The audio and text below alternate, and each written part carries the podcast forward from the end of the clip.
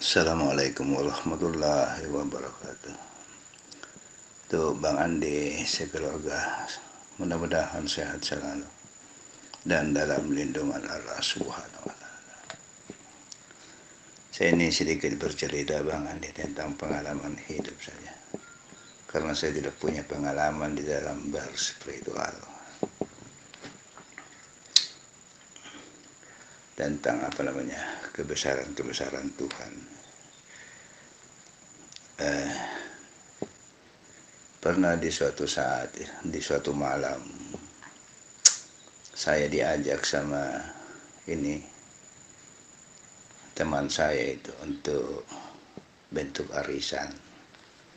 Katanya, DCC mau masuk arisan. Saya bilang, berapa? Dia bilang 200 tapi besok di load jadi saya ini beranikan diri untuk masuk juga. Ya kasih masuk juga. Mudah-mudahan besok ada rezeki. Kebetulan waktu itu masih ada uang di dompet 100 jadi apa tambahannya tinggal 100 mungkin besok kalau ada rezeki itu bisa cukup 200 jadi lanjut cerita. Besoknya begitu.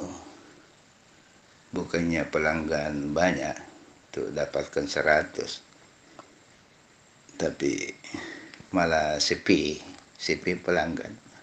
Tidak ada yang orang cukur nah, cuma tapi saya tidak bersabar juga. Itu berlangsung 10 tahun yang lalu sudah lama. Mungkin uang 200 itu nilainya masih tinggi di era 20-an pekerjaan saya itu sebagai tukang cukur sekaligus eh, penjahit sepatu. Sambil menunggu pelanggan saya itu bersihkan napas eh, tapi tidak pakai sudah lama saya amalkan itu sikir nafas tapi tidak pakai hu Allah. Saya pakai Allah saja. Seiring dengan apa saya itu. Lama-lama itu saya bersikir dulu sendiri sambil merokok. Tiba-tiba bos saya datang. Mantan bos saya itu. Dari Sungguh Minasa dari ya tempat dulu saya tinggal di Sungguh Minasa itu. Itu mantan bos ikan saya itu. Waktu saya masih menjual ikan. Sekarang sudah ini sudah hancur juga. Sudah tidak berdaya seperti yang Bang Andi biasa ceritakan itu. Sudah di, di dirapatkan oleh itu. Sudah dihinakan. Tapi belum sadar juga. Begitu dia datang sama saya dia beri salam saya persilahkan duduk di hadapan saya itu.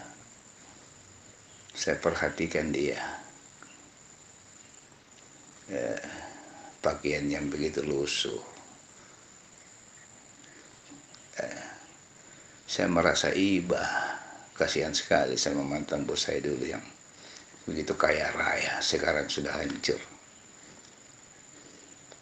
Saya buatkan dia kopi sambil minum cerita-cerita. Saya habis itu kopinya saya kasih dia rokok. Sisa rokok saya saya kasih. Dia minta pamit. Tiba-tiba apa namanya seperti yang amba yang ini Bang Andi ceritakan ada kayak perintah. Saya berikan uang yang ada di dompet saya itu seratus ribu. Uang seratus bukan uang lima puluh dua uang seratus satu lembar. Saya berikan sama dia. Eh, apa namanya? Saya ikhlaskan ikhlas sekali saya rasakan itu. Karena dia merasa gembira sekali itu waktu dia pamit. Tapi bukan saya yakin atau minta sama Tuhan. Cuma sedikit ada rasa putus asa begitu. Mau masuk arisan mau ditambah malah di ini disedekahkan begitu. Jarang saya itu meminta sama Tuhan itu tentang kebutuhan. Bukan ini cuma lupa kan entah bagaimana bang Ali cuma ya begitu baru saya itu kenal-kenal apa yang dikatakan perintah begitu dia pergi hati saya itu lega sekali lapang sekali. Bahkan sangat ikhlas sekali. Seiring dengan ini sedikit ada putus asa. Uang yang mau ditambah untuk bayar arisan malah disedekahkan. Jadi dalam hati saya tidak usah masuk anu tidak usah masuk apa arisan. Banyak nanti di belakang itu yang orang-orang ini bentuk arisan begitu dia pergi saya duduk-duduk lagi sambil merokok bersikir dalam hati. Tiba-tiba ada pelanggan satu orang masuk. Bayarnya sepuluh ribu. Saya sudah dapat pembeli rokok. Sudah sudah salat ini. Sudah salat duhur. Sudah lapar juga.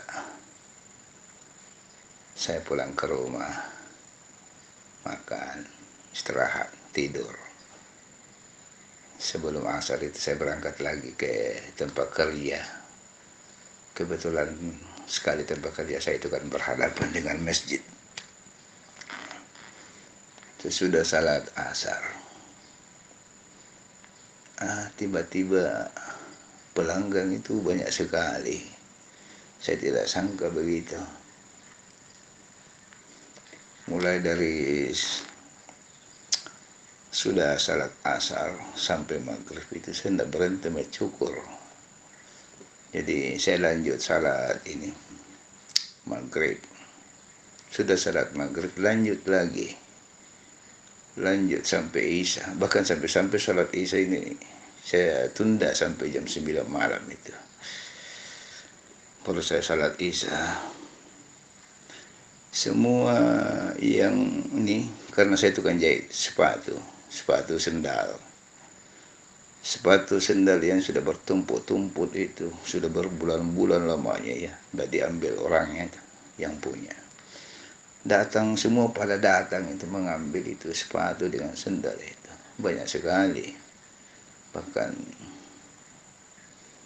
saya itu di sekitar jam-jam 9 sudah berhenti itu pelanggan itu. Jadi saya sudah capek juga istirahat dulu. Sambil menghitung itu uang. Karena dulu yang 200 itu di era 2000 itu masih tinggi nilainya. Begitu saya hitung uang itu lebih dari 200 itu uang cukur dengan uang sendal itu tiba-tiba datang teman saya itu tanya DCC jadi kita ini masuk arisan? Bilang iya jadi uangnya ini. Bahkan sampai-sampai ada lebihnya juga separuh itu belanja.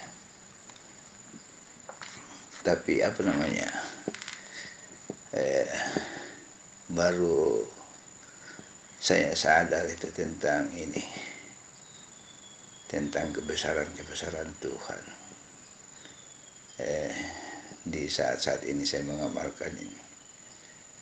Sikir nafas ini di pencerahan-pencerahan Bang Andi di YouTube ini. karena sudah banyak ini eh, apa namanya kebesaran-kebesaran Tuhan ini di yang diper, di, diperlihatkan sama saya. Tapi saya apa namanya belum paham. Gitu. Jadi selama ini apa namanya kalau masalah spiritual itu saya mungkin Tuhan belum menghendaki begitu bang. Yang saya amalkan itu sedikit lebih bagus dan bahkan jauh lebih bagus dari masa-masa lalu saya itu. Di saat saya mengamalkan ini sadar Allah. Allah di balik makhluk keakuan. Banyak sekali ilmu-ilmu yang saya dapatkan dari Bang Andi. Meski dalam berspiritual itu. Bukan saya gagal bukan mungkin Tuhan belum menghendaki. Jadi apa namanya ya pencerahan-pencerahan saya Bang Andi di YouTube. Selalu saya ikuti di setiap mau tidur. Eh, atau sudah salat ini salat subuh gitu. Sambil minum kopi merokok gitu. Ya itulah pengalaman-pengalaman hidup saya itu Bang Andi cuma sedikit saya ceritakan. Eh, sebelumnya saya sangat berterima kasih sama Bang Andi. Eh, apa namanya akhir kata ini saya, saya ucapkan assalamualaikum warahmatullahi wabarakatuh. Amin Waalaikumsalam warahmatullahi wabarakatuh. Terima kasih banyak Pak CC sudah berbagi pengalaman. Mantap ya. Jadi itulah ilmu yang sesungguhnya bukan berarti kita itu hebat berspiritual bisa ke langit sana ke langit sini bisa ke alam sana ke alam sini itu nggak ada guna kalau di kehidupan kita nggak bisa baca ya. Jadi ilmu yang sesungguhnya tentang kesadaran ini tentang keisanan ini ya harus bisa kita terapkan dalam kehidupan. Dari cerita Pak CC tadi dari kisah Pak CC itu banyak pelajaran yang kita bisa cerna.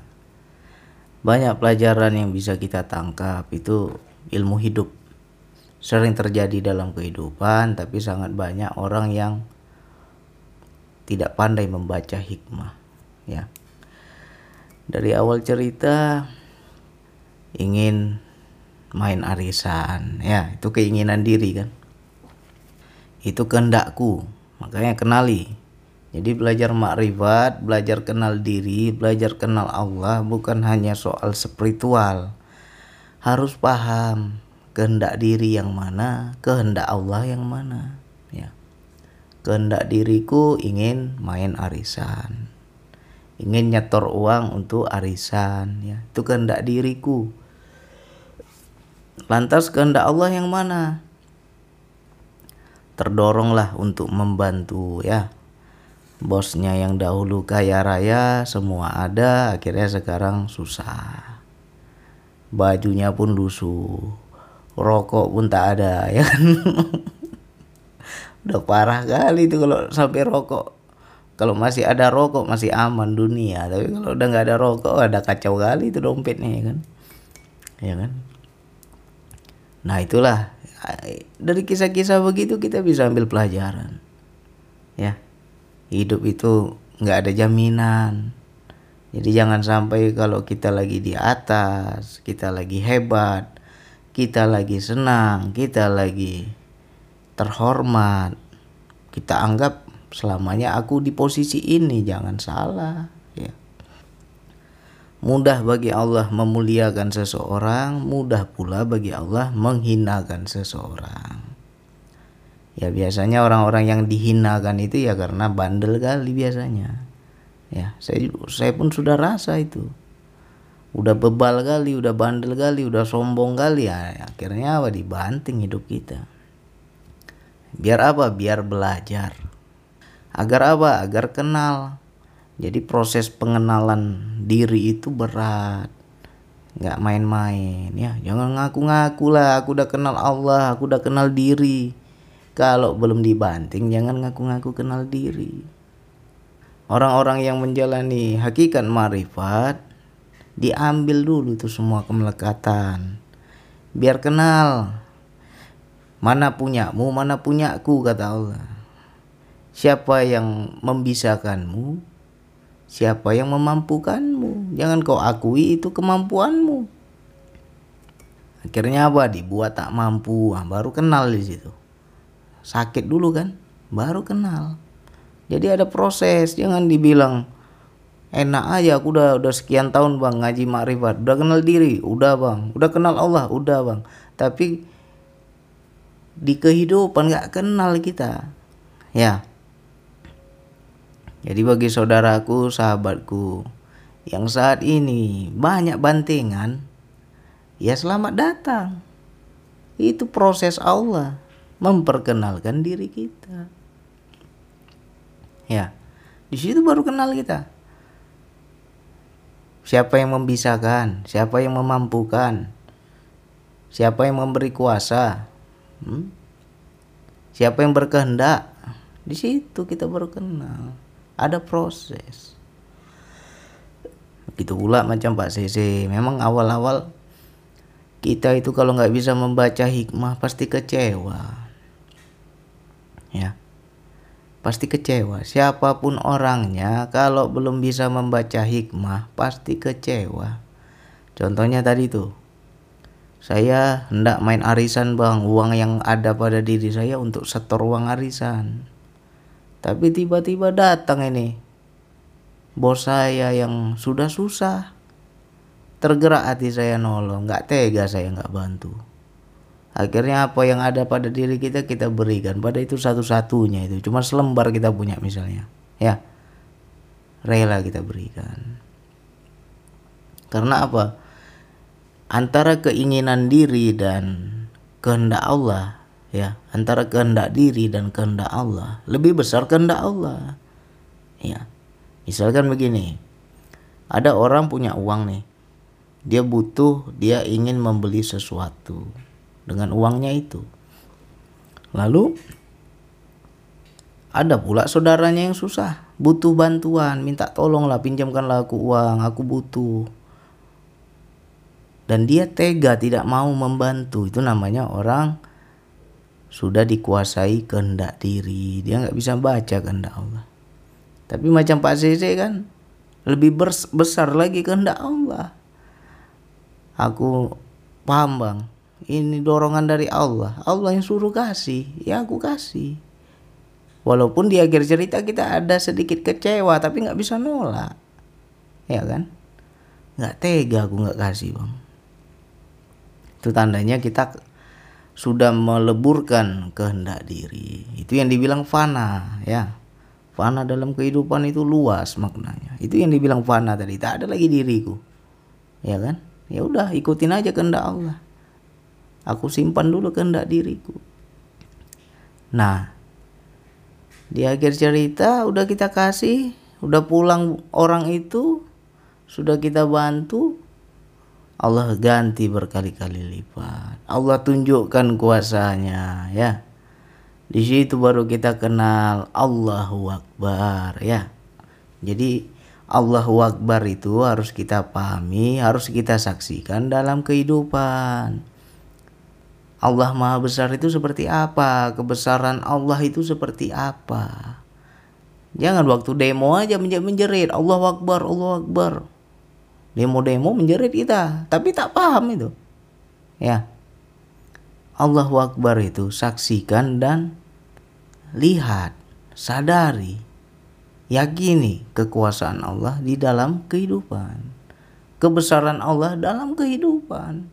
Ya yang dahulu sepatu tertumpuk-tumpuk berbulan-bulan kok di hari yang sama mereka datang semua bang mereka ambil sepatunya, mereka bayar uangnya. Kok bisa tepat harinya gitu? Waktunya kok bisa tepat? Siapa yang mengatur itu semua? Hmm. Di situlah baru kita kenal sesungguhnya Allah maha mengatur segala urusan makhluknya ya. Di Al-Quran kan ada tuh Allah maha mengatur segala sesuatu. Nah, yang ngatur itu siapa? Di situ baru kita kenal. Jadi harus ada proses pembuktian dalam hidup. Ya. Memang awal-awal ngeri-ngeri sedap, awal-awal kita jantungan, awal-awalnya kita kecewa, awal-awalnya kita sedih. Kenapa bisa seperti itu? Karena kita masih buta. Ya. Kecuali orang yang sudah nggak buta lagi udah bisa melihat hikmah itu dia nggak ada sedih. Ah, kasih aja lah. Ya. Aku yakin nanti Allah akan ganti. Aku yakin mungkin kalau aku lanjutkan arisan bermasalah nanti. Aku urungkan dulu Aku simpan dulu keinginanku, aku ikuti aja kehendak Allah. Itu kalau orang yang udah bisa membaca hikmah, ya. Tapi macam Pak Sisi kan belum bisa baca hikmah. Awalnya kecewa. Nggak apa-apa. Awal-awal begitu. Wilayah ini butuh pembuktian, makanya nanti baru kita itu keyakinan itu meningkat. Ya. Hari ini Allah buktikan, Allah tunjukkan kuasanya, Allah tunjukkan keakbarannya. Kenal kita. Besok ditunjukkan lagi, tambah kenal. Ditunjukkan lagi, tambah kenal. Lama-lama udah jadi hafal. Oh, udah hafal aku nih. Kalau begini nanti bakal begini, kalau begini nanti bakal begini. Aku sudah hafal, udah sering kejadian. Ya. Nah, jadi untuk mencapai yang namanya proses yakin itu bertubi-tubi berulang-ulang nggak bisa kita bilang kamu harus yakin kepada Allah nggak bisa. Harus dibuktikan dulu baru yakin. Nggak bisa main yakin yakin kita. Makanya keyakinan juga meningkat. Ya. Saya justru senang kalau ada orang yang bisa menceritakan seperti ini. Daripada cerita DN, cerita spiritual, cerita bang saya masuk alam ini, alam itu. Nggak ada guna kalau kehidupanmu nggak berubah. Ya, lebih bagus yang seperti ini. Inilah ilmu ilmu laku, ilmu kehidupan. Ya, keisanan itu harus kita terapkan dalam kehidupan. Ya, ayat-ayat Allah itu kan ada dua. Ada yang tertulis, ada yang tidak tertulis ya yang tidak tertulis yang terbentang di alam semesta ini terbentang di langit dan bumi ini bacalah macam mana bang? Saya baca. Baca di mana bang? Baca di gunung baca di batu baca di mana bang? Baca di gerak-gerik hidup kita. Apa pun kejadian kita di dalam hidup itulah ayat Allah. Itu ayat kauniyah. Ya. Itu yang dibilang orang kitab diri. Pada dirimu sendiri itu sudah ada kitab. Baca. Itu yang harus kita pahami contoh cari di Al-Quran ada tuh ayatnya yang berbunyi ya kalau saya nggak hafal Quran makanya saya hafal yang sepotong-sepotong aja itu berikanlah hak orang yang meminta-minta dan orang yang tidak meminta-minta Allah bilang apa? Berikan hak mereka. Hak orang yang meminta dan hak orang yang tidak meminta-minta. Mungkin yang kita pahami selama ini hak orang yang meminta-minta ya orang yang sed minta sedekah itu yang kita pahami. Karena tiap hari dia minta sama kita. Ya kan? Nah, hak orang yang tidak meminta yang mana? Ya itulah yang kejadiannya sama Pak Sisi. Datang bos saya bang. Dulu dia hebat bang. Dia senang bang. Tapi sekarang udah susah hidupnya bang. Saya lihat pakaiannya lusuh. Rokok pun tak ada. Sedih saya bang. Kasihan saya.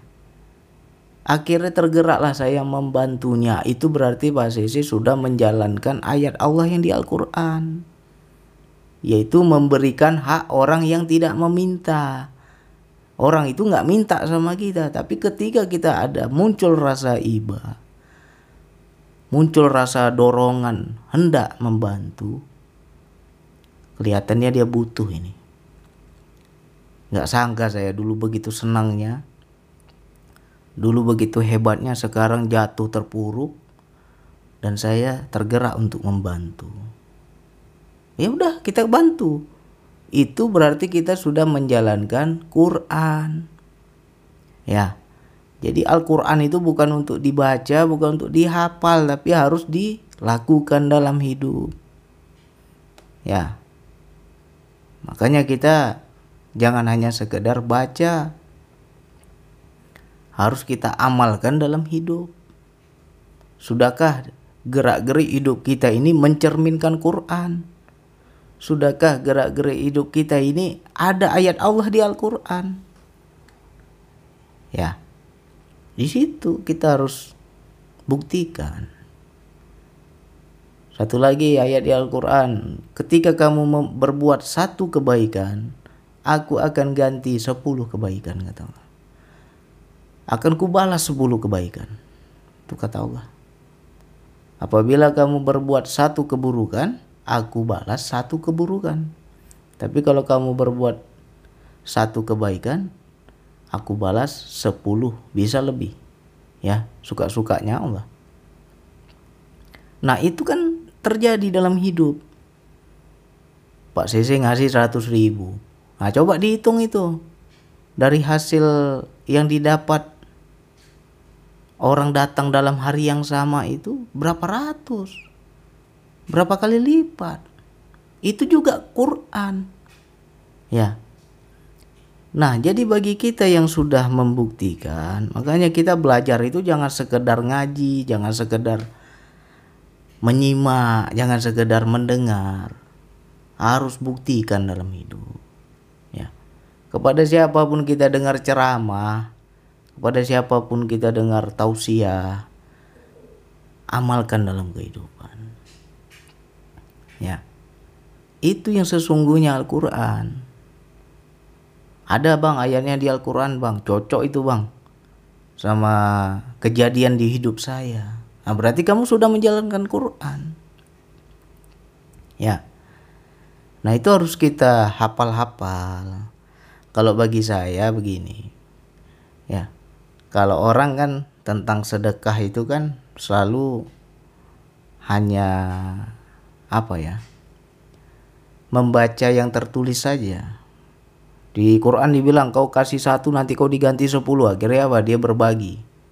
Dia berbagi banyak-banyak sedekah tapi yang dia harapkan kelipatan sedekah itu juga masih ada udang di balik bakwan itu berarti masih ada maunya nggak ikhlas ya tapi kalau kita membuktikan segala gerak hidup ini dengan keikhlasan di situlah baru kita ibaratnya tercengang kita tercengang dalam arti kata dahsyat kali Allah balas ini kok cepat sekali. Allah tunjukkan kuasanya. Di situ kita bingung-bingung sendiri tuh, ya kan? Kalau bagi saya sih coba nanti teman-teman ya dihafal-hafal ini ya. Kalimat saya ini dihafal-hafal. Kalau saya udah sering membuktikan dalam hidup ketika ada yang meminta kepada kita itu sejatinya Allah hendak memberikan kepada kita. Ya. Ibarat kata gini loh, kalau kita mau mau hitung-hitungan sama Allah ya. Aku mau kasih 10 ini, kata Allah. Tapi kau kasih dulu satu ya. Kau serahkan dulu milikmu satu biji itu, kau berikan. Nanti aku mau kasih 10. Nah, bahasanya seperti itu. Jadi ketika ada yang meminta kepada kita, sejatinya Allah hendak memberikan kepada kita. Cuman ketika dimintai, banyak orang kedekut, pelit, apalagi kerit, bakil, ya. Karena dia menganggap ketika punya aku satu-satunya dimintai, aku akan rugi, aku akan kehilangan. Tapi dia nggak bisa baca hikmah bahwa Allah sudah siapkan gantinya. Ya. Jadi untuk saudaraku, sahabatku, kenapa ya bang kok rezekiku seret terus ya bang? Kok aku nggak pernah berlebih ya bang? Kenapa semua yang aku usahakan nggak berkah bang? Karena kamu pelit. Itu aja kuncinya. Jadi untuk saudaraku, sahabatku yang paling banyak membuat rezeki terhalang itu ya karena kita membatasi diri. Itu satu. Kita terlalu melekat pada apa yang kita miliki. Ya. Jangankan sama orang lain, sama istri, istri sendiri kadang kita pelit. Ya, ini untuk para suami ini mudah-mudahan dengar ini. Ya. Dengan istri sendiri kamu pelit, nggak akan berkah rezekimu. Ya contohnya ginilah, contoh. Istri kepingin sesuatu nih, bang nanti kalau udah gajian beli ini ya bang. Atau bang kalau udah gajian beli itu ya bang. Kepingin dia. Kita karena berkaca dengan kemampuan kita, janganlah. Ya, jangan kamu banyak keinginan. Gaji saya nggak seberapa. Kamu minta ini, minta itu. Lebih banyak lagi yang harus kita penuhi kebutuhan yang lain. Akhirnya apa? Kita menolak itu. Tapi kita nggak bisa baca bahwa ketika istri minta Allah mau kasih itu sebenarnya. Coba buktikan nanti. Ya. Apa pun yang istri minta kalau kita bersedia Allah kasih jalan. Saya sering buktikan itu. Bang lemari udah rusak bang. Udah berlubang ini. Ganti baru lah bang. Gajian nanti beli lemari ya bang. Istri minta tuh kan? Bagi orang yang nggak sadar Allah akan marah. Marah dia. Mau banyak kali permintaan. Tapi bagi orang yang bisa membaca hikmah senang kali dia. Siap nanti kita beli gitu aja padahal uang belum ada nih ya kan kamu minta apa? Lemari nanti beli ganti baru. Ya udah, nanti kita beli. Iya kan dulu. Itu syaratnya itu. Iya kan dulu. Walaupun kita belum ada uang. Ya. Walaupun kita belum ada uang. Tapi minta bantu doa. Nah, kamu doalah biar murah rezeki saya. Kalau ada saya kasih. Ya. Kalau kita iya kan, lihat nanti ada saja rezekinya dan bisa terbeli itu. Ya, karena apa? Di hati kita tulus. Istriku minta ya Allah, enak kali dia minta sama aku. Tapi aku nggak mampu ya Allah. Sekarang aku mintalah padamu ya Allah. Kalau engkau mempercayakan aku, engkau memurahkan rezekiku, aku bisa menyenangi istriku. Ya, Gak perlu kita marah sama istri. Saya begitu. Apa yang dia minta, saya iakan dulu. Walaupun saya belum ada uang. Tapi di akhir cerita ada uangnya. Ada-ada saja jalannya. Ya. Macam anak saya, Bang. Eh, ya. Sepeda jaki udah rusak-rusak tuh ya. Ganti sepeda baru lah ya. Siap, nanti ayah beli langsung siap. Kenapa saya udah baca ini Allah mau kasih ini untuk anak saya sepeda. Ya, bisa nggak kita seperti itu? Kalau bisa, mudah itu semua. Nggak marah kita sama anak, ngapain marah? Kalau orang yang nggak karena mikirkan, aduh nggak ada uang, ini banyak permintaan, marah dia.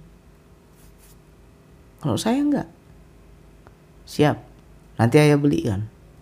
Nah, kamu bantu ayah doa. Ya kan? Tinggal minta kita ke Allah, belajar dari anak kita itu, belajar dari istri kita. Enak kali dia. Kepingin ini minta, kepingin itu minta. Kenapa kita nggak bisa juga begitu kepada Allah? Ya Allah, anakku kepingin sepeda ya Allah. Dia ndak mengaji, tiap hari dia jalan kaki jauh. Coba ada sepeda ya Allah, mudah dia mengaji. Nggak capek dia jalan kaki. Mudahkanlah untukku ya Allah. Aku ingin menyenangi anakku. Aku ingin membahagiakan anakku. Bukankah membahagiakan anak istriku itu ibadah ya Allah mampukan aku ya Allah ada saja jalannya itu ya jadi macam Pak CC tadi kenapa kecewa karena belum bisa baca hikmah. Kalau kita bisa baca hikmah, lebur keakuan kita, kemelekatan diri kita udah serahkan. Aku yakin nanti Allah ganti. Ya. Kenapa Pak Sese belum bisa yakin? Karena wilayah ini butuh pembuktian. Ya. Kalau saya selalu saya hafal itu, hafal, hafal, hafal, hafal. Ya. Terkadang kita posisi lagi sulit. Susah lah kalau dibilang kita pun kurang, kita pun nggak ada uang. Tapi begitu datang keluarga terdekat, kita lihat susah, dia lagi ada masalah, tergerak hati kita. Seperti ada yang perintahkan, bantu dia, berikan. Apa daya? Mana yang lebih kita takuti?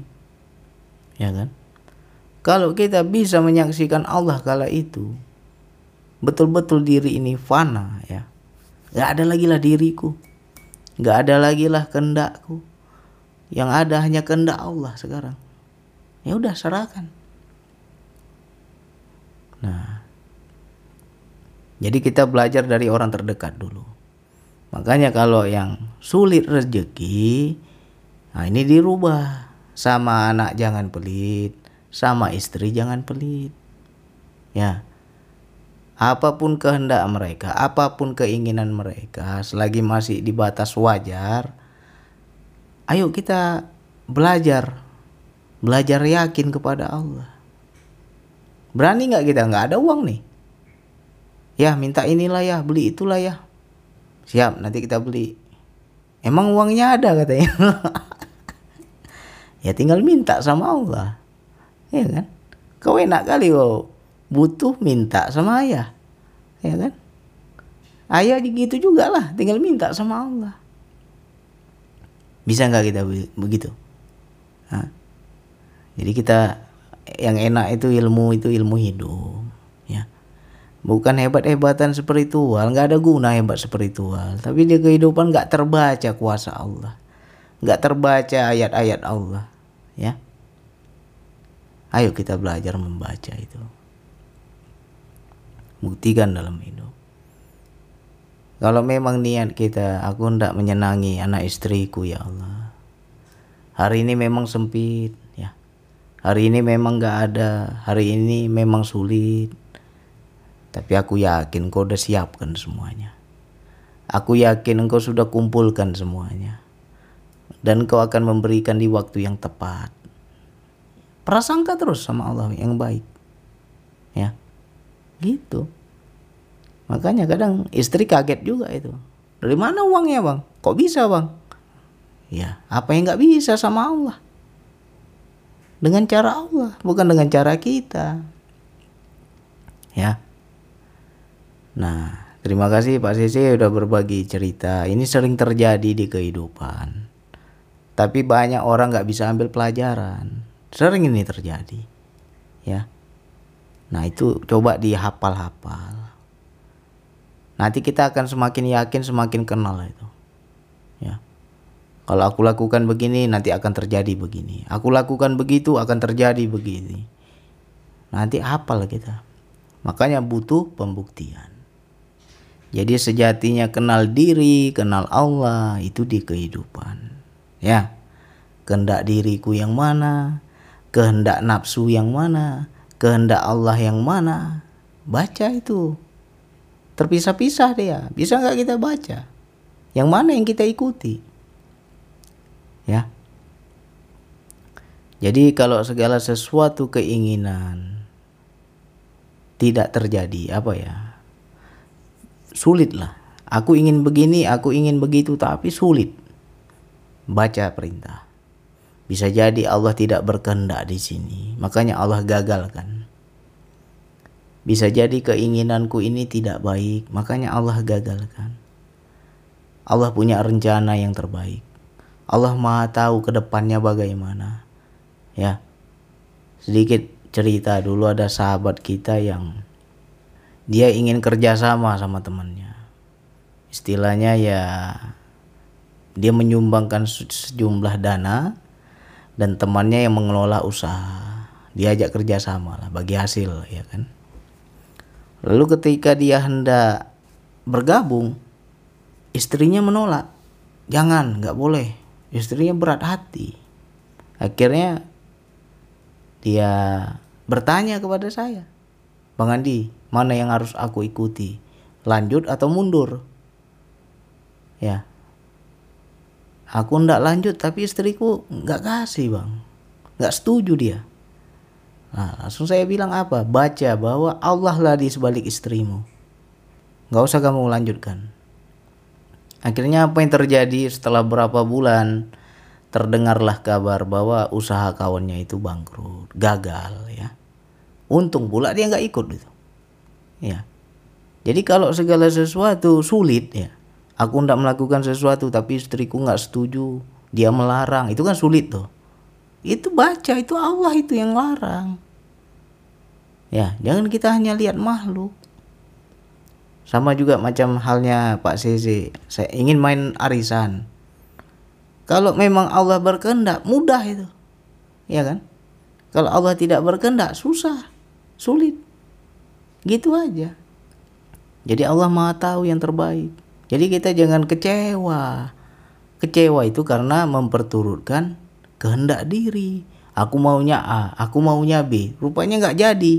Kecewa. Ya. Tapi kalau kita kehendakku, kehendakmu ya Allah. Kehendakmu, kehendakku ya Allah. Zero kita bersatu dah. Apa yang kita lakukan sesuai dengan kehendak Allah. Enak. Gak ada kecewa. Ya. Jadi mudah-mudahan ini bisa direnungkan untuk sahabatku semua. Yang tadi itu coba diambil poinnya itu. Agar murah rezeki kita jangan pelit sama anak, anak istri ya. Kalau kita siap Allah akan kasih.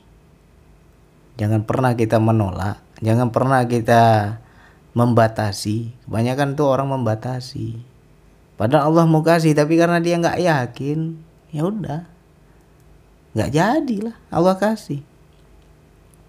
Ya, mudah-mudahan ini menjadi renungan untuk kita semua. Sekian dari saya. Wassalamualaikum warahmatullahi wabarakatuh.